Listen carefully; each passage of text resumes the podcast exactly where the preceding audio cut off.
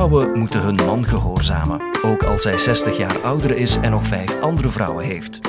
Als je volgens de Bijbel leeft, zou je wel eens rare conclusies kunnen trekken over de gelijkheid tussen mannen en vrouwen. Want het meest verkochte boek ter wereld lijkt niet meteen vrouwvriendelijk. Ofwel, Bijbelwetenschapper Benedict Lemmelijn. Is de Bijbel vrouwonvriendelijk? Dit is de Universiteit van Vlaanderen.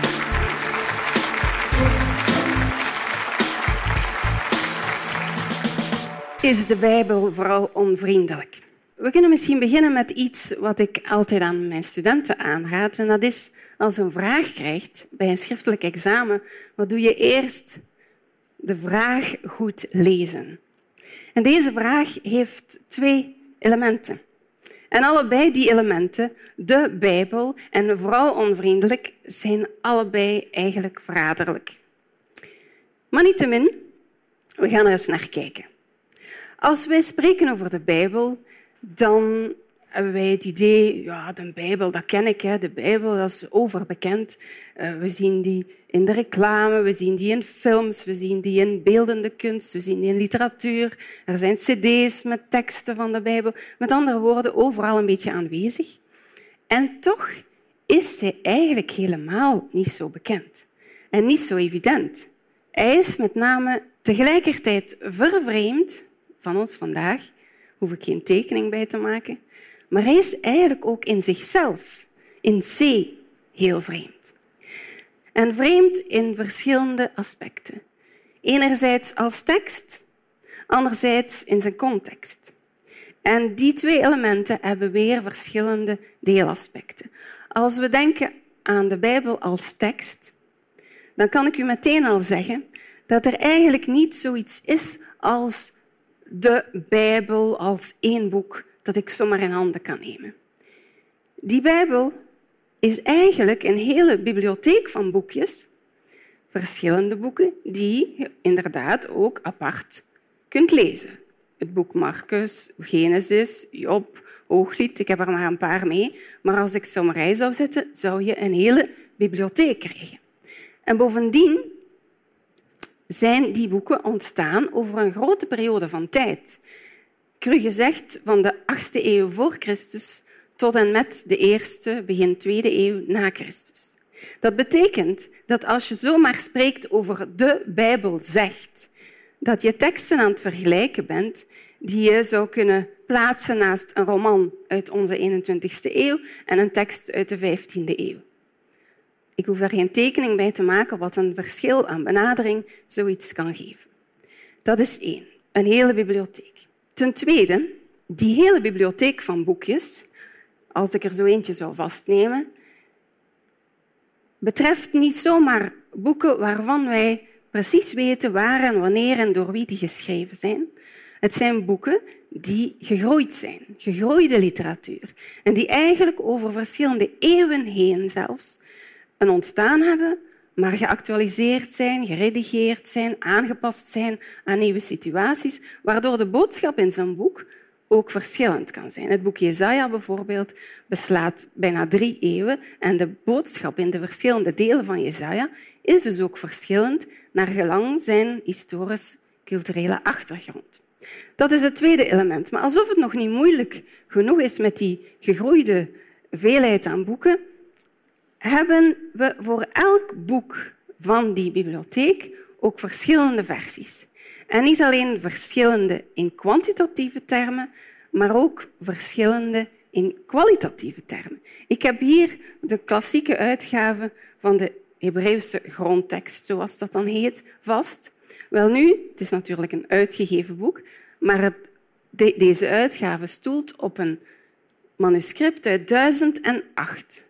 Als ik u daar juist zei dat de teksten ontstaan zijn tussen de 8e eeuw voor en de eerste, tweede eeuw na, dan is ons oudste volledige manuscript, met andere woorden, heel wat jonger dan de ontstaansperiode.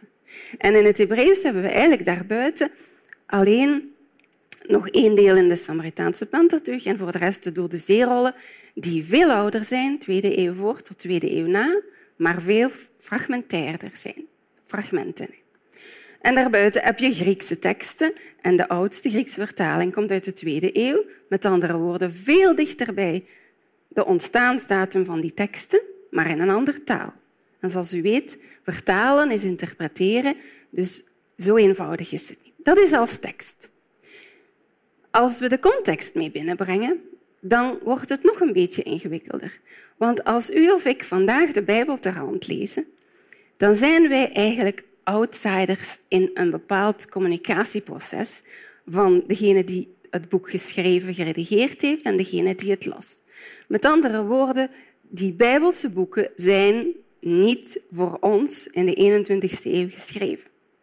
En het is alsof je de brief leest van iemand die je niet kent aan iemand die je ook niet kent, als je zonder enige achtergrond of interpretatie bijvoorbeeld de brief van Paulus aan de christenen in Korinthe leest.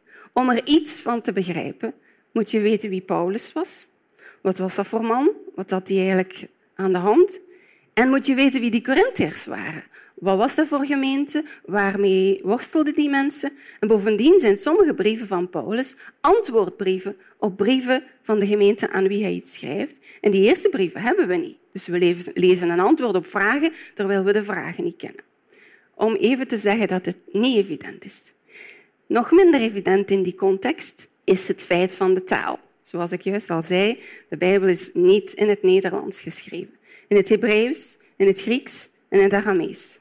En ofwel gaat u heel hard moeite doen om die talen te leren en zelfs als u dat doet, komt het nog nooit tot uw moedertaal.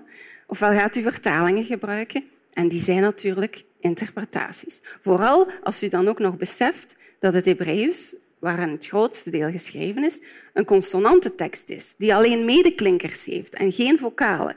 En waarbij sommige woorden dezelfde medeklinkers kunnen hebben, maar op verschillende manieren kunnen uitgesproken worden en dus iets anders betekenen.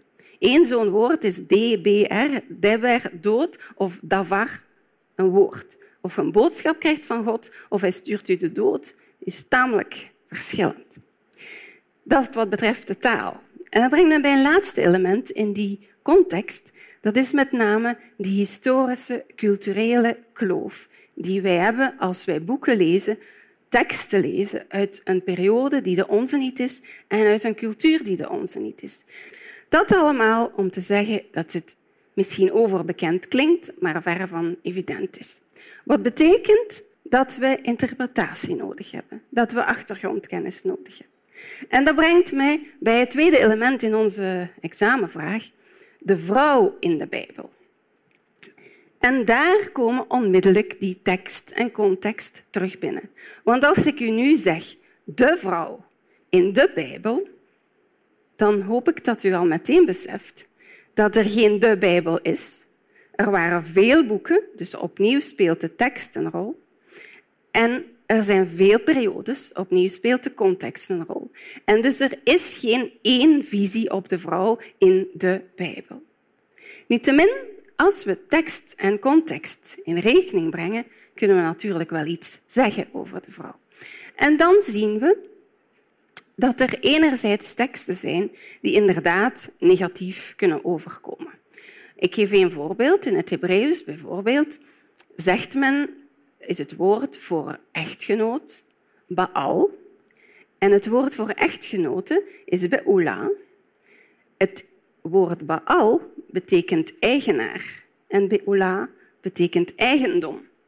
Daar hoef ik al niet veel uitleg bij te geven.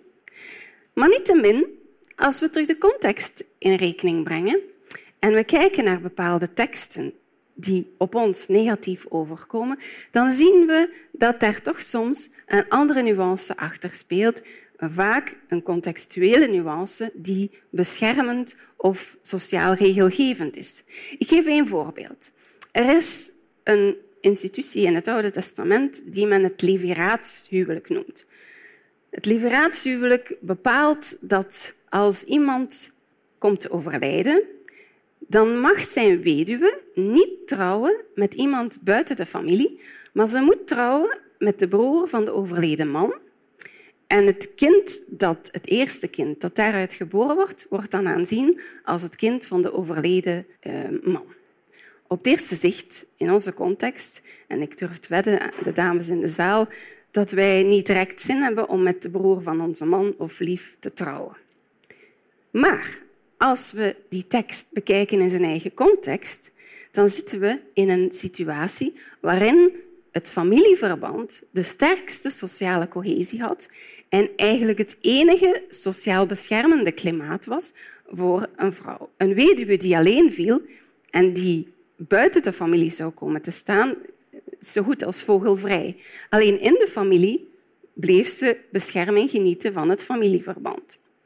Er was geen sociale zekerheid, er was niets waarop men kon terugvallen, dus het familieverband was heel belangrijk. En op dezelfde manier is het ook voor de overleden man eigenlijk een, een maatregel in diezelfde context. Want in die agrarische familiale context is het natuurlijk heel belangrijk om een nageslacht te krijgen. Wel nu, dat kreeg hij ook door deze regel. Niettemin, laat ons eens kijken naar andere teksten. Want naast die teksten die negatief overkomen, die we moeten nuanceren, zijn er ook teksten die werkelijk positief klinken. En ook die kun je onder verschillende noemers brengen. Je hebt om te beginnen heel wat teksten uit de wijsheidsliteratuur, waar zelfs de wijsheid zelf als vrouwenwijsheid genoemd wordt. Zij die aanwezig was bij de schepping, eigenlijk een van de hoogste functies zou je kunnen zeggen, is vrouwenwijsheid. Maar bovendien zie je dat de wijsheidsliteratuur zeer positief en eh, hoogachtend, zou ik bijna zeggen, spreekt over de vrouw. Het geluk van een man hangt af van zijn vrouw. Ze wordt geprezen om haar schoonheid, ze is de hoeksteen in het gezin, et cetera, et cetera. Nu zal je zeggen, dat klinkt nog vrij klassiek. Maar er zijn ook teksten die in die context een ideaal vertolken.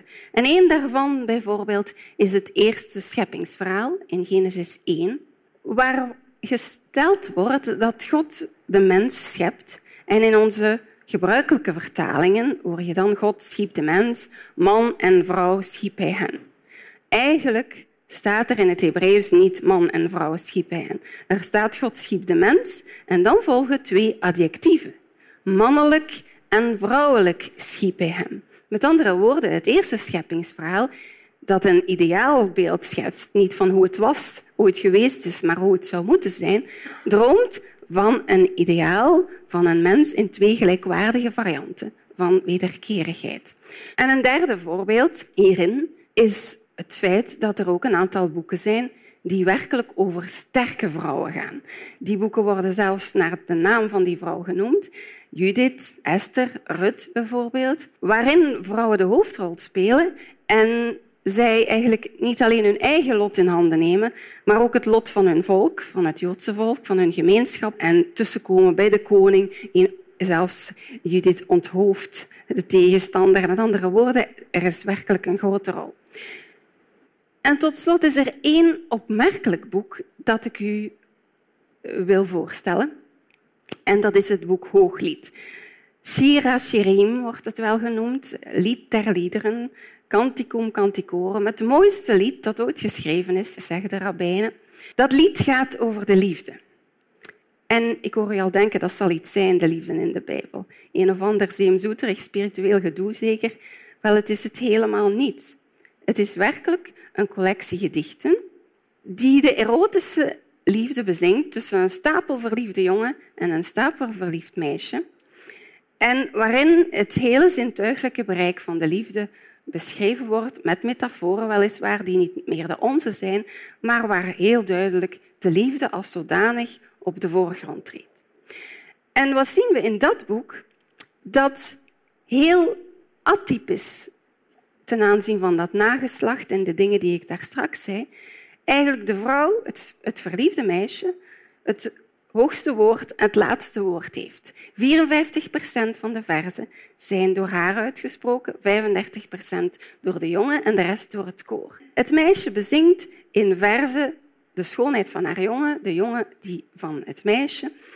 En we zien dat ze dat niet alleen kwantitatief doet in de meeste verzen, maar ook inhoudelijk de sterkste rol heeft. Zij is het die het refrein ik ben van mijn lief en hij is van mij. Annie, le dodi, we dodi, li. U hoort zelfs in de klank al dat het poëzie is. Waar zij eigenlijk dat refrein elke keer uitspreekt. En dat refrein maakt als het ware een een, een echo naar, eh, weerspiegelt eigenlijk een deel uit het tweede scheppingsverhaal, waar God als deel van de straf van de vrouw gezegd had, vanaf nu zul je altijd naar je man verlangen, want je zult kinderen willen. En er ontstond dus een onevenwicht. Hooglied in dat refrein, ik ben van mijn lief en mijn lief is van mij, herstelt als het ware de wederkerigheid die in die gebrokenheid teniet gegaan was. Met andere woorden, ze herstelt als het ware een kracht die sterker is dan de dood, sterker dan de gebrokenheid, met name de liefde, en ze vertelt van een herwonnen paradijs. Goed, ik kom tot een conclusie. De Bijbel, vrouwenvriendelijk. Allebei een beetje moeilijk. De Bijbel als zodanig bestaat niet. Vrouwonvriendelijk is een etiket dat niet past op die tijden. Maar als we de vraag bekijken, was het inderdaad een beetje een tricky vraag. Je zou denken een ja-nee-vraag. Maar alles schijnt bedriegt. Er is geen ja op deze vraag. Er is geen nee op deze vraag. Ja, hij is onvriendelijk in het feit dat we teksten zullen vinden die op ons negatief overkomen, maar die we in hun context moeten plaatsen, zowel historisch als cultureel. Maar er zijn evengoed teksten die niettemin in diezelfde context heel duidelijk een echo laten horen van een ideaal dat, laat ons heel eerlijk zijn, ook vandaag nog niet helemaal realiteit is. Geïnteresseerd in geloof? Luister dan zeker ook naar Hans Schijbels, die antwoordt op de vraag of Jezus echt heeft bestaan. Of naar Sami Zemni, is terrorisme eigen aan de islam? Of naar Leni Franke, moet ik betalen voor jouw God? Voor deze podcast moet je alvast niet betalen. En dat is omdat wij de steun krijgen van Radio 1, KNAK, de Jonge Academie en de vijf Vlaamse universiteiten.